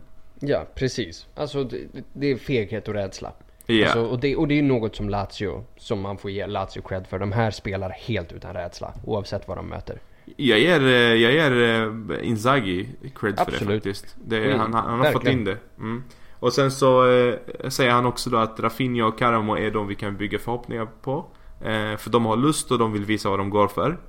Mm. Eh, och han, f- för att alla ska liksom släppa det här så säger han som han har sagt sen dagen han lämnar Inter. Jag har ingen önskan att återvända till liksom, eh, att leda Inter då eller att äga någonting. Jag skulle aldrig vilja störa Zang-familjen. De har riktigt bra planer för Inter. Eh, låt Klart. oss nu se om hur och eh, ja, hur och när de fyller dem då. Mm. Jag håller med Moratti till 100% på varje punkt. Ja, och det är det som man saknar kanske mest med Moratti. Eh, Mm. Hans eh, utanför Saras office, eh, en snabb kommentar efter gårdagens match liksom. Mm. Jävla legend. uh, ska vi hoppa in på Bologna, alltså direkt på resultat eller? För jag vet inte. vi drar ut Ja. på tiden, ganska mycket frågor också. Ja, jag vet. Eh, Vi kan ju bara kommentera lite snabbt att Mm. eh, Bologna har ju inte riktigt gått som tåget heller. Simone Verdi är skadad, kommer missa matchen. Han kommer vara Mm. borta ungefär en månad. Det är hemmaplan. Vi ska ha den här jävla matchen. Ja, och de här tre poängen skulle jag säga betyder mer nu än vad någon annan match. Så har vi sagt några gånger, men det här är på Precis. riktigt. Ja, för samtidigt som vi möter Bologna så spelar också Lazio den här omgången mot Napoli borta. Mm. Det, fin- match. det finns inte en suck i helvetet att Lazio tar den. Nu jinxar du sönder oss. Ah. Även, även de kan ta ett kryss men de vinner inte på Sao Paulo. Det Nu gör kommer- de inte. Nu kommer Lazio vinna och vi förlora. Det, det kommer de säkert men det finns inget, jing, inget jinx eller övningar eller något sånt där. Så, så en trepoängare här argumenterar jag innebär en tredje plats. Och därefter börjar pressen. För då ska vi fan försvara den. Ja. Eh, fy För jag fan tror vad att den här Roma, matchen... och, och även press, jag är inte helt säker men om jag är, inte är helt missinformerad så möter Roma även Benevento. Så en förlust här innebär att vi tappar fjärdeplatsen. Ja, det stämmer. Så även ett kryss innebär att vi träffar, tappar fjärdeplatsen för det finns inte en chans i helvete att Roma inte vinner den. Mm. Så. Den här är do or die. Det är det och, och det har tagit lång tid skulle jag säga av dåliga matcher tills vi hamnar i en riktig do or die men nu är det det. Nu är det do or die. Ja, så att... Och- eh, Och vi- efter det här och det är viktigt att börja liksom få in lite vinstrutin nu för efter det här så har vi Genoa borta som tog poäng mot Lazio på hemmaplan. Mm. Klapp för det, Pandev och Diego Laxalt. Ehm, efter det följer en slaktmatch mot Benevento och sen börjar de jobbiga matcherna. Då är det derby igen. Mm, vi har väl... Jo, det stämmer bra. Fy fan. Mm. Därefter kommer det Torino borta, Sampdoria, Napoli, Juve. Alltså... Och samtidigt som vi kör derby så spelar Lazio mot Juventus. Mm. Precis, så det, det börjar... Det börjar bli viktigt att ta de här poängen nu. Kan vi vända det till det ljusa? Det är nu det blir på riktigt och det är nu vi ska visa att vi är Inter. Att- Absolut, och, och att vi fortfarande är med i matchen så här långt. Mm, För det hade, vi hade kunnat lägga så mycket pissigare till. mm, För allting det här handlar om är att hålla sig kvar i den här striden och gärna ha tre poäng, alltså ha tre poängs marginal för Champions League när vi kommer till den sista matchen mot Lazio. Mm. För vi kommer avsluta på bortaplan på Stadio Olimpico mot dem. Och då vill jag antingen, och jag har en liten känsla. Jag tror att om vi kommer dit med Lazio kvalificerad på tredjeplatsen och vi tillräckligt på fjärdeplatsen för att ett kryss ska räcka för att hålla Roma utanför. Ja, så kommer Lazio lägga sig. Ja, 100%. ja, ja. Och det hade varit så skönt. Det hade varit så vackert. Eh, vad säger du resultat? Var realistisk. Mm, äh, en... eh, 2-0, tänker jag säga. Mm. Eh, Rafinha och Icardi. Åh jävlar. Okej. Rafinha på frispark. Ja... Usch. Eh... Jag hoppas på att vi vinner matchen. Eh, jag tror inte Ja. att vi gör det. Jag tror att det blir 1-1. Ja, det känns ju rätt säkert tippat va? Senaste Ja, 620 matcherna tyvärr. har det varit 1-1 så. Jag hoppas typ att jag jinxar, men du tror inte på jinx. Men ja. Eh, jag tror på 1-1 och målet kommer av Icardi. Ingen aning vem som är Bologna, så helt ointressant. Ik- Eder i egen kasse. Det vi hoppar in på frågorna tänker jag, för att det är jättemycket. Vad kul att alla kunde svara, eller ställa frågor så här sent när vi inte hade liksom värmt upp. Eh, jag tänker att jag väljer ut några här. För att vi drar, har dragit ut på tiden ganska mycket redan. Giuseppe Lazarevski ställer en fråga som jag tycker att du kan besvara. Eh, om Icardi säljs, hur mycket går han för och vem kommer vara ersättare? Eh, ja, det är ju frågan då. Eh, allting handlar ju lite grann om den här kontraktsförhandlingen som ska kicka igång. Jag tror att det har snackats om nästa vecka. Vi får väl se hur det blir med det. Eh, för jag tror att om kontraktet förlängs och klausulen höjs då till 200-220 mille så tror jag för det första att han kommer stanna. För det andra så skulle han då gå så är det 200 mille som gäller. Huruvida ersättare i sådana fall. Um, det, beror ju, det är jättesvårt att säga just nu med tanke på att med tanke på att Spalletti ser ju ut som att han är på väg att strypa någon snart. Så är ju frågan om han har lust att vara kvar nästa säsong. Om vi inte tar, han kommer ju inte vara kvar om vi inte tar Champions League. Mm. Eh, och då handlar det ju lite grann om taktik där. Eh, men blir det Spalletti kvar, då kommer det ju värvas en boxforward som ersättare i sådana fall. En, det kan, kanske till och med Tjecko. Jag tänkte precis säga en trött Tjecko eller? En trött Tjecko skulle det till och med kunna bli. Ehm, om, om Spalletti drar, alltså jag tror, jag tror att Lautaro Martinez kommer ha en plats i laget i, under nästa säsong. Ehm, och då är ju frågan om han då kommer liksom spela en släpande bakom Icardi eller om han kommer gå över till ett rakt tvåmanna anfall. Mm. Eh, och i sådana fall, igen, det är ju väldigt, väldigt svårt att besvara. I och med att man inte är helt hundra på om vi tar Champions League eller inte och det kommer ju påverka marknaden ganska mycket. Eh, men, ja. Får vi in en ordentlig summa pengar så vad tror vi om en Edison Cavani kanske? Mm. Ja men det är inte alls omöjligt. Han är Serie A-van och han eh, skulle säkert vilja komma tillbaka till Serie A. Mm, det, Eh, som sagt och eh, ja, och det handlar väl lite grann om vart Icardi säljs någonstans också. De här, de här stora anfallarna, United har ju helt dragit sig ur idag vad det verkar. Eh, Jag läste idag att de hade hoppat in i, i förhandlingarna. Ja, jag fick, ja, alltså som sagt det har ju varit igång de senaste veckorna men ja. Ja. Gazetten rapporterade idag att Mourinho var, var nöjd med det han hade och det bör han väl vara. Eh, så Rakt byte mot eh, Lukaku då. aldrig i livet. Jag hade inte gjort ett rakt byte mot, liksom, mot United. På riktigt, det finns ingen spelare där jag hade, Okej, hade då får tagit, Lukaku- tagit över, över Icardi. Du får Lukaku och Mourinho. Mig Pogba och Mourinho så kan vi diskutera. Men då vill jag fan ha tårta också. Eh, ja, vi kör på... eh, vad händer om Inter inte når CL då också Giuseppe? Uh, jag, jag tycker vi har besvarat den ganska bra. Eller det behöver inte ens besvaras. Mm. Det, allting går åt helvete helt enkelt. Ja, alltså Vi behöver inte det enda, det Jag, jag enda, om vi nej, säger jag så blir här. deppig. Jag blir deppig. Mm. Nej, Den enda ljuspunkten som skulle kunna finnas i det där är att om vi missar CL eller tar CL, det är egentligen irrelevant. Eh, men hypotesen att Icardi säljs. Säljs Icardi så kan vi lägga in, efter ett nytt kontrakt, då kan vi lägga in 200 mille i budgeten. Vilket drar oss upp på gröna siffror i budget. Vi har då alltså klarat av våran skuld då skulle Sunning också kunna få möjligheten att lägga in lite pengar. Så då kanske vi skulle ha en del att leka med. Det skulle vara det enda positiva i det. Eh, om det är värt det? Absolut inte. Nej. Nej, nej. Jimmy Risberg undrar, vad är skillnaden mellan en förlorande klubb och vinnande klubbar som Juve, Real, Bayern, Barca med flera? Mentalitet. Mm. 100%. Alltså, vi har ju, om vi säger, Ben i den engelska Interpodden säger den, brukar ofta slå på, den, slå på samma trumma att spelare i Serie A behöver tre grejer. Fysikalitet, mentalitet och teknik.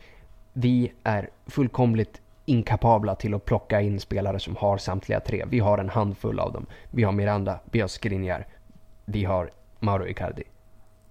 Men även en, en kille som Valero som är en vinnarskalle driver framåt teknisk. Men killen är liten, långsam, orkar inte hur mycket som helst. Mm.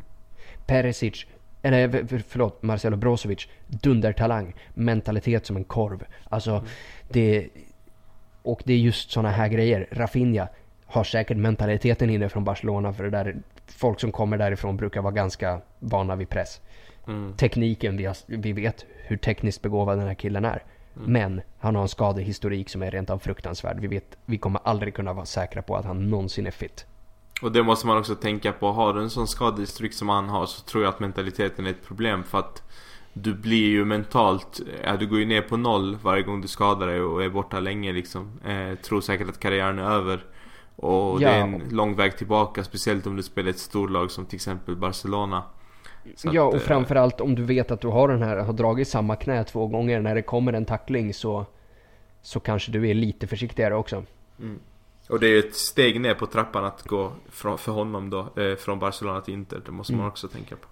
Nej men så, så jag tror att det handlar om liksom vinstvana och de här tre grejerna. Och det är därför, alltså, vi vet ju att vi brister på mentaliteten. Mm. Vi, vi, vi är ju helt, vi, det vi har ju nervskador vid det här laget. Alltså det, och det, det är resonligt både för oss fans och för spelarna. Det har varit liksom åratal av brutal misshandel av oss rent psykiskt. Så, så därför ska det också bli intressant att se nu om Napoli för en gång skulle klara sig hela vägen in i mål. Mm. För Napoli har legat i den här positionen förut och tappat pungkulorna helt. Jag håller med dig om, om skillnaden där. Jag vill bara lägga till två saker egentligen. Eh, attraktionskraft som klubbarna har. Mm. Eh, och sen så... Eh, alltså bänk, skulle jag säga. Bänken spelar in, absolut. Ja, för att, för att de här lagen som nämns här, de har en bänk som skulle starta och vinna Serie A. och då snackar jag även om Juventus bänk. Det, det är liksom... Ja, den hade utmanat ja, dem Den hade utmanat dem en CL-plats. Alltså Ja, det hade den absolut gjort. Mm. Eh, Napolis det- hade inte gjort det, men... Nej precis, de har de, de är inte heller med. De är inte en vinnande klubb liksom. Nej. Eh, Utan det de, här, de här klubbarna eh, har en attraktionskraft, eh, de har pengar, de har en bänk som gör att de kan stå utan ett visst antal spelare och fortfarande leverera på absolut högsta nivå. Så svaret på Jimmys fråga där är, är egentligen ganska lätt. I grund och botten så är det spelarmaterialet. Och Ja. det bästa spelarmaterialet kommer genom att vara en av de bättre klubbarna. Därför kan inte vi sitta och låtsas att vi är Real Madrid.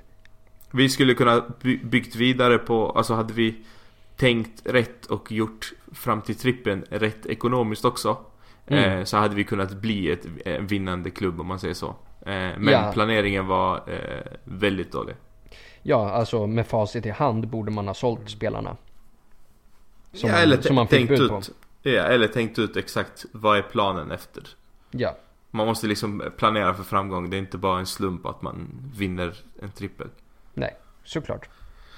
Eh, vi hoppar till Amir Kozica. Han har några frågor här. Eh, ska vi se här. Eh, tar, varför vågar inte Spalletti bänka Perisic precis som han bänkade Totti?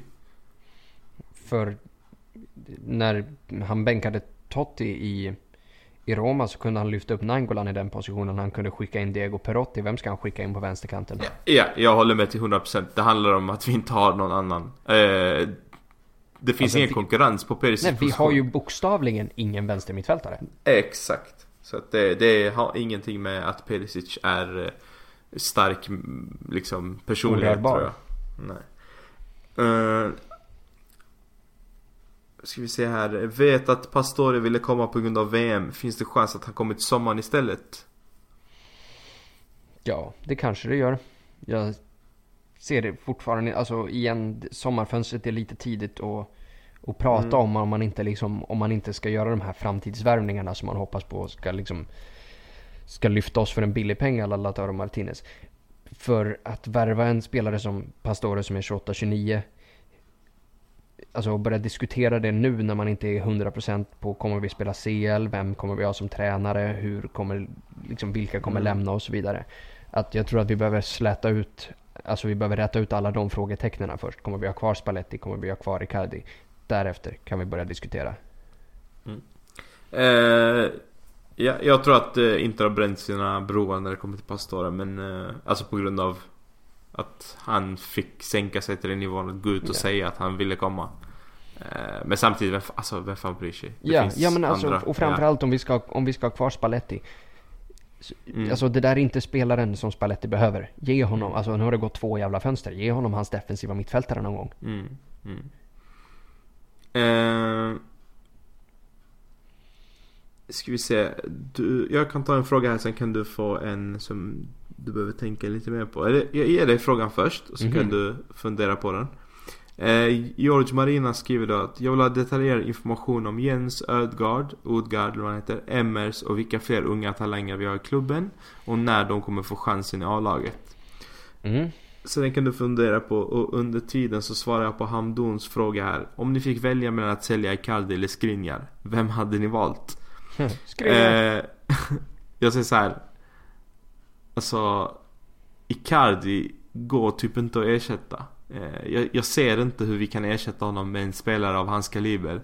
Det går Eh, inte. Jag, nej, och det Skriniar har visat under den här säsongen är otroligt. Men det är fortfarande ingenting mot vad Icardi betyder för, för den här klubben och vad, vad han har gjort för oss. Så att jag hade utan tvekan eh, valt att sälja Skriniar då. Samtidigt så, självklart, båda två är i min värld eh, untouchable. Mm, jag håller med dig om att båda två, alltså jag håller med dig i, Mm. i det mesta. Alltså om vi säger Skriniar skulle gå att ersätta. Mm. Alltså beroende på för, vad för pris. Men till exempel eh, Wife Beater Jimenez från, eh, från Atletico Madrid. Även om det kanske svider just av den anledningen. Koulibaly. Alltså det går att ersätta honom. Mm. Men Icardi går inte att ersätta. Alltså då är ju ersättaren vi ska in. Ja, jag, alltså jag kan, inte, alltså jag kan inte ens fantisera om vem som skulle göra mer, mer mål. Även om de satt in Harry Kane där. För han hade Mm, aldrig kunnat precis. anpassa sig till Serie A. Alltså jag anser inte att det finns någon som skulle göra det bättre än Icardi. Mm. Då ska det i sådana fall vara två spelare. Då får du svara på eh, Jens Ödgard, Emmers och vilka fler unga. Vi har tagit upp det några gånger i podden men är det någon mer som du behöver tänka Mm, ja, på liksom? just, just Ödgaard, alltså han, han gjorde ju mål idag. Vi, vad heter det, just när vi pratade om Primaveran, vi spelade ju Mm. här för, för en liten stund sedan och slog ut Spartak Moskva på straffar i Mm. 16-delsfinalen av ungdomarnas motsvarighet till Champions League. Mm. Eh, Så där Ödgaard har gjort en bra match. Eh, De andra som är, och jag, jag kan också ge tipset till er alla att en stor del av Inters Primavera-matcher streamas direkt på Facebook. Mm. Via Inters officiella eh, Facebook-sida. Så ni som är intresserade av, eh, av det där eh, kan jag rekommendera att kolla där. Jag har kollat ett, ett par matcher och lite fulstreams och sådana där också. Ehm, och framförallt så rekommenderar jag er alla att göra det. För då kommer man också få en viss insikt i hur långt steget från primaveran till A-laget är. För det, det är Ja, alltså det är svårt att beskriva hur stor skillnad det faktiskt är. Så även om man är bra i primaveran, vilket vi har haft killar som Bonasoli som var helt överlägsen. Um, Longo och så vidare. Det här har ju inte gett resultat när det kommer till professionell A-lagsfotboll. Så det är ett stort steg att ta. Eh, utöver Jens Ödgaard och Sian Emmers, om vi säger Sian Emmers är ju inte, är ju inte all that. Alltså en duglig spelare som skulle kunna bli bra, absolut. Men Han har varit mycket- uttagen nu. Precis, alltså, och Mm. mycket hänger ju på att han gjorde ju ett väldigt, alltså ett väldigt snyggt mål för, för ett par månader sedan där som, Okej. som gick lite viral. Eh, men två utöver det som, eh, som man bör tala om är ju den här som Bina nämnde tidigare, eh, Facundo Colidio. Mm. Som bevisligen är jäkligt bra. Som, man, som man hoppas på ska bli någonting. Utöver det så Nicolo Saniolo. Som spelar med en lite mer trekvartista-roll skulle man kunna säga. Italienare född 99. Eh, Värvades in från, oh, från eh, Chiavari tror jag i somras. Ehm, har också sett bra ut under den här säsongen. Utöver det så jag skulle väl säga att det är de två tillsammans med Ödgaard då som, som är de som är mest värda att hålla koll på. Eh, och för er som undrar så slog vi, eh, så slog våra ungdomslag Milan här. Eh, nästan alla ungdomslagen slog Milan i sina ligor. Utom U15-laget som spelade ett kryss. Så det kan vi ju glädjas åt också.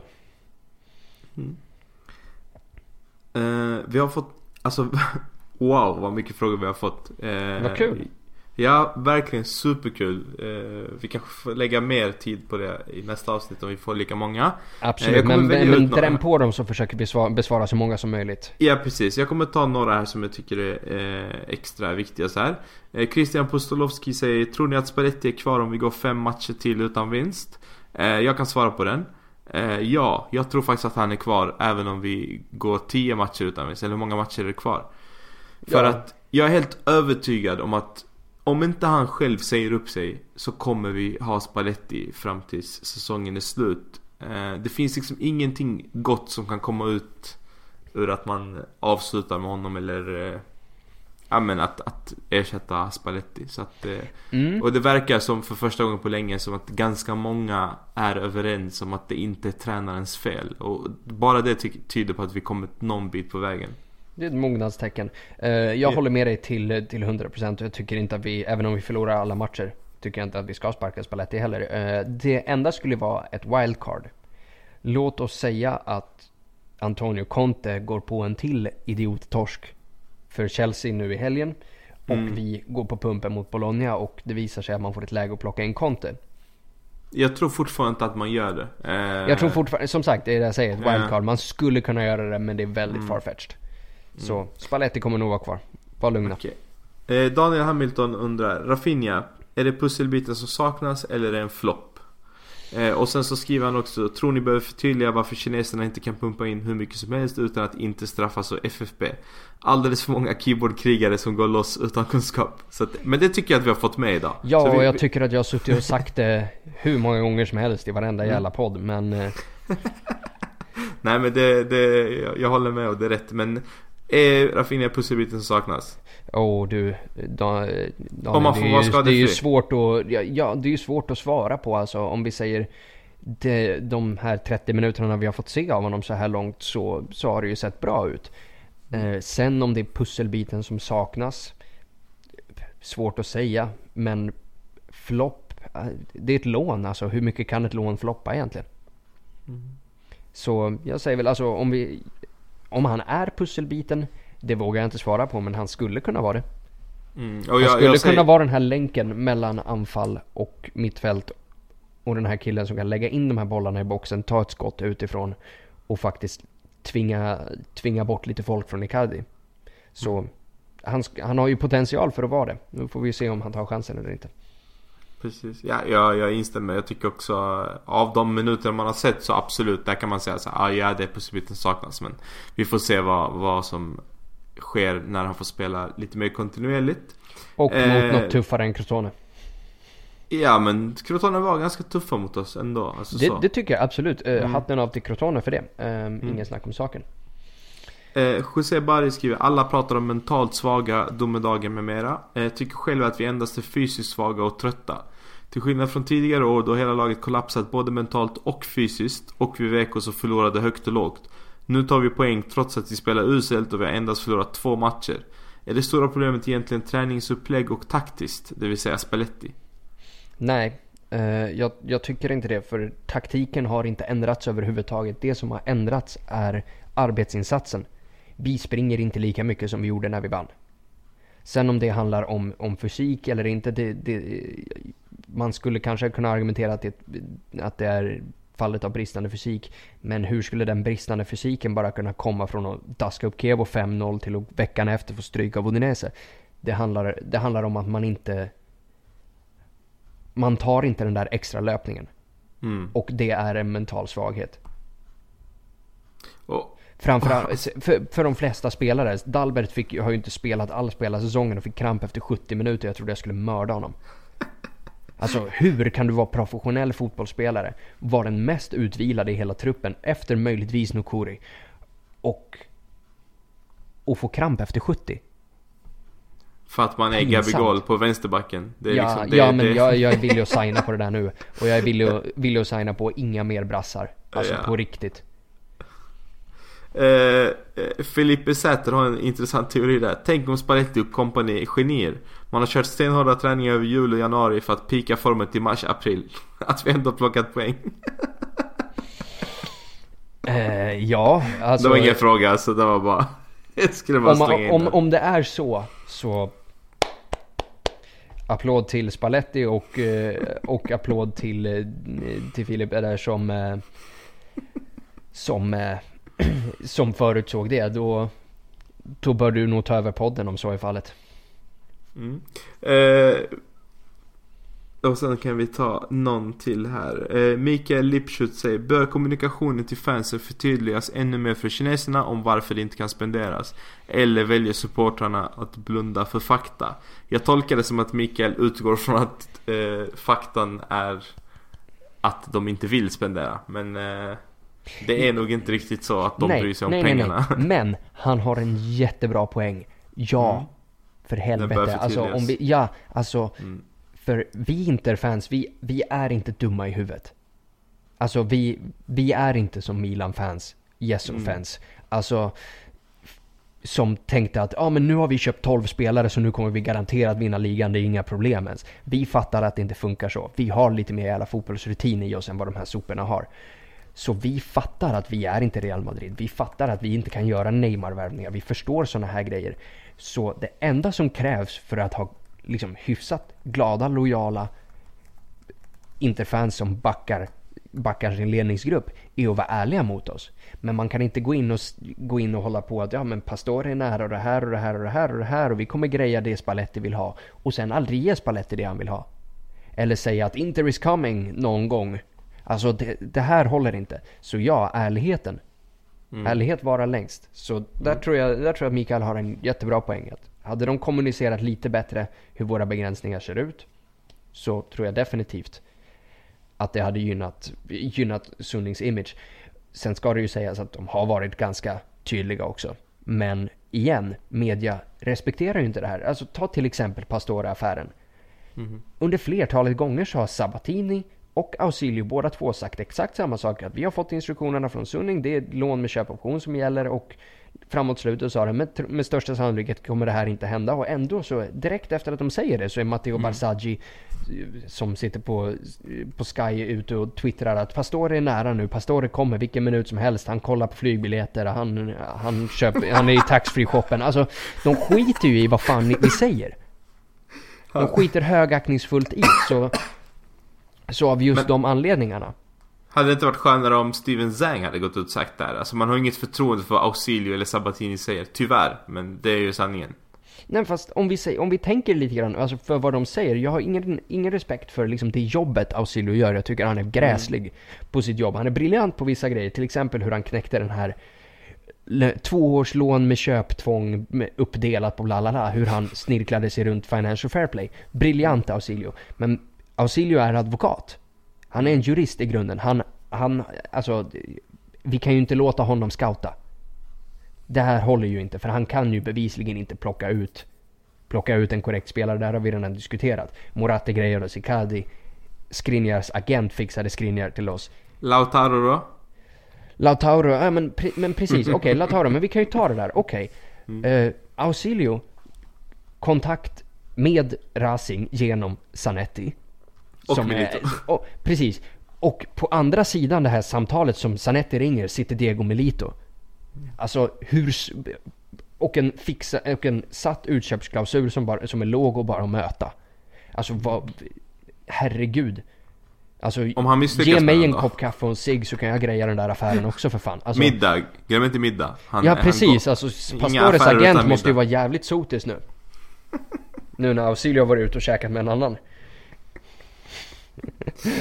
uh, vi tar, vi har tre, nej förlåt, två frågor till som jag känner att vi bör ta. Mm. Uh, Peter Homan ställer en fråga som jag tycker att du ska få besvara. Icardi har spelat sjukt många matcher från start nu. Uh, Vänta. Eder gjorde mål sist. Även om Icardi är helt frisk, kan det inte vara läge att ge Eder en chans till från start nu? Uh, jo, men då tycker jag att samma ska gälla för Tommaso Berni. Så visst, om ni är på det så är jag på. Sure, fine. Och då tycker jag väl också att, eh, vad heter det? Eh, Nolan Rover i Primavera, han ska spela också. Jag tycker definitivt vi ska plocka in Karev. Alltså, nej. Nej. Ja men vet du vad, vet du vad? Alltså Ferrarin går ju då Fiaten. Så varför tar vi inte den? Alltså det, nej. Nej, så nu släpper jag den. Eh, svaret från Hampus ja. var nej. Eh, och så tar vi sista frågan. Bengt Augustsson säger, eller ställer frågan då. Vilar en förbannelse runt jul? Mm. Eh, jag vet inte nödvändigtvis. Alltså det virar, det vi har väl. Alltså det är väl förbannelser över hela klubben som inte liksom tre fulla matkassar med hartassar hade löst alltså. Det, så för om vi såg förra året så var det ju inte runt julkraschen kom utan det var ju snarare då det gick som bäst. Med, med Pioli.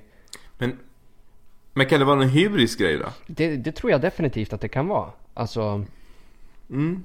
För att det kommer ju ändå efter 5-0 mm. mot Kiev och alltså oavsett resultat så Så spelade vi ju fantastisk fotboll eh, med tre reserver Mm. den matchen.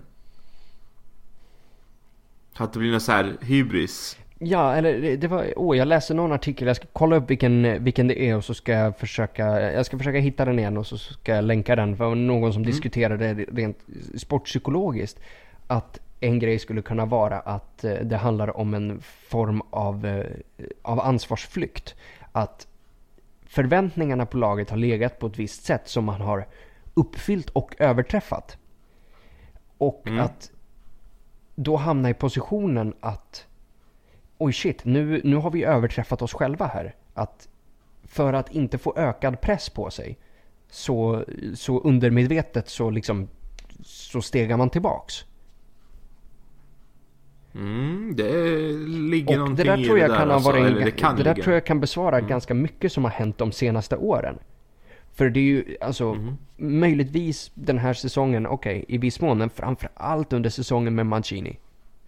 Och framförallt un, även under Pioli. Eh, för där ser vi ju hur Mm. fruktansvärt dåligt det går första två, tre matcherna. Kommer, daskar upp Juve, Mm. sen går det skit igen. Fram tills, tills att De Boer får kicken. Och nästan omedelbart när Pioli tar över så rackar vi upp, vad är det, nio raka vinster. Och vi är då tillbaks i närheten av målet vi siktar på. Och när vi väl tar oss upp dit, Mm. för vi, ligger, vi har den där fjärdeplatsen ett ganska bra tag. Och Mm. så panikar Så vi igen. vi igen. För att Mm. tappa, falla av och sen framåt slutet ger en liten ansats men sen gå på en motgång och då helt ge upp säsongen och bara släppa allting för att slippa Europa League. Ehm, Alltså frågan, frågan är hur, hur mycket de här Alltså jag vet att det är många fotbollsklubbar som jobbar med mental träning på, på liksom en, en individnivå Men frågan är om, om de jobbar med mental träning på gruppnivå För att jag menar Det här är saker som, som Alltså de bästa klubbarna och de bästa idrottarna jobbar ju mycket med, med, Mm. med det mentala jag tror att jätte... eh, Och med, med rätt ja, typ av alltså coaching om vi säger, vad heter det? Ehm, eh, jag tänker lyfta Claudio Ranieri som exempel. Eh, I och med att min, Mm. min tjej är från samma stad som Ranieri. Så mm. Eh, han är ju gigantisk där. Eh, det är ju gud efter Mm. Leicester-titeln. Diggilidoo, diggilidee eller vad Ja, säger det, jag? det, det, det vet jag inte, det låter väl som Gyllene skor eller något sånt där. Ding dong, ding Ja, dong ja, ja, ja okej, ja Eh, Diggilidong mm, hur som helst. Eh, så sättet som han hanterade Leicester. Att mm. han tog ett gigantiskt ansvar i utformandet av gruppen. Att ja, ja, men efter Mm. träningen varje fredag så ska vi göra den här sociala grejen. Vi drar hem till mig och vi ska baka pizza tillsammans. Det här ska alla vara med på. Ja!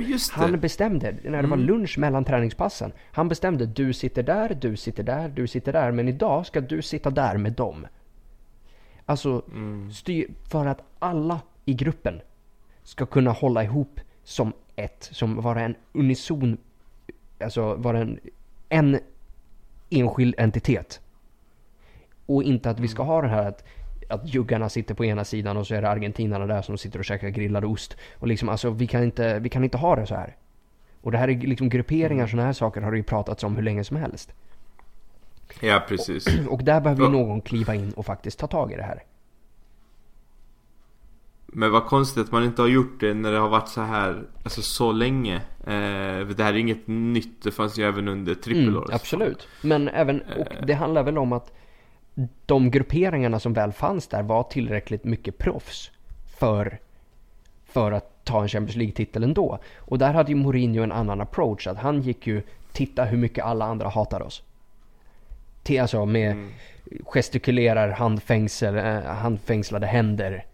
Alltså skickade, alltså Mourinhos, Mourinhos metod var ju snarare att, var ju snarare en individualistisk approach. Alltså alla spelarna som var med där har ju pratat om hur, alltså om Mourinhos ökända sms. Som han skickar runt till alla liksom, att han verkligen fick varenda enskild spelare från, från Diego Melito ner till Marko Arnautovic och känna sig som, ja precis, och känna sig som att jag Mm. som individ är viktig. Och Ranieri hade en annan approach att det är liksom det är kollektivet som står över oss alla oavsett om du är Riyad Mahrez eller vem du nu är. Mm. Och någonstans så behöver vi ju ta tag i det här. Ja, det är sjukt att vi inte har gjort det än. Eh, med de orden tycker jag att vi avslutar faktiskt. Eh, och hoppas på en, en, en helg där man kan må bra Mm. för en gångs skull. Ja, Just helgen är ju okej, Det det, är ju veckan efter där. Som känns så jävla dålig. Jo, jo men nu liksom var det på Ja. lördagen matchen var. Så man mår ju inte bra efter det. Eh, så att, eh, nej. Nu, nu, nu räcker det. Vi vill se, vi vill, vi vill älska Precis, Spalletti. vi vill se samma Vi vill Alltså, så som Ranieri Ja. drar ihop kollektivet i spelarna så liksom Mm. det här behövs på, på ett plan som sträcker sig även utöver planen. Att det måste faktiskt inkludera ledarna, det måste inkludera tränargruppen, det måste inkludera oss fans och vi fans mellan varandra. Så vi måste faktiskt hålla ihop lite grann här när det är tufft. Istället för att han ska ut och han ska säljas och den där jäveln är skit och han är ett as på Instagram. Alltså Mm. på samma sätt som, man, som vi fans sitter, ja men sälj det, säg det, sälj det själv istället och så vidare liksom. Alltså, så, så lite jävla sammanhållning, lite vilja och så tar vi det här. Ja, det, det Mm. var en bra avslutning. Dilly-di-ding, dilly-di-dong, eller vad fan han säger då. Eh, Chat shit Okej. get banged säger jag bara. Nej.